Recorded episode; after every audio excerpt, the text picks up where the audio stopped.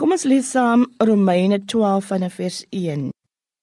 En nou doen ek 'n beroep op julle broers op grond van die groot onferm van Christus. Gee julle self aan God as lewende en heilige offers wat aan hom aanneemlik is. Dit is die wesenlike van die godsdienst wat julle beoefen. Julle moenie aan hierdie sondige wêreld gelykvormig word nie, maar laat God julle verander deur julle denke te vernuwe. Ons tema is God vernuwe en transformeer ons. Ons is verbind om eintlik te sê God behoort ons te vernuwe en te transformeer.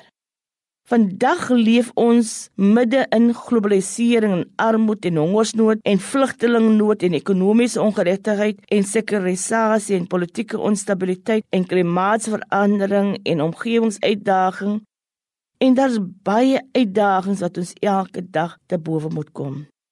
Daarom behoort ons weer te bid, lewende God, vernuwe en transformeer ons. In so 'n wêreld ons God nodig, 'n God wat ons kan vernuwe en transformeer.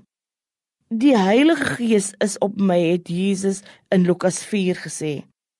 Jesus kom ook vandag na ons toe en hy vra vir ons, wat presies wil ons doen. Daarom geliefdes, staan daar duidelik geskrywe: Kragtens genade wat Christus aan ons gegee het, moet ons nie meer van onsself dink nie. Nee sê die skrif vir ons veel eerder Ons moet ons in beskeidenheid daarop toelê om alles wat ons in geloof van God verkry het eintlik te beliggaam. Mag die Here ons besonder seën dat hy die lewende God ons vernuwe en transformeer. Kom ons bid saam. Here onsse God, U is die lig en U is die geregtigheid en U is die een wat ware vrede onder mense bring. In 'n wêreld vol onreg vra ons U Here, hoor ons gebed.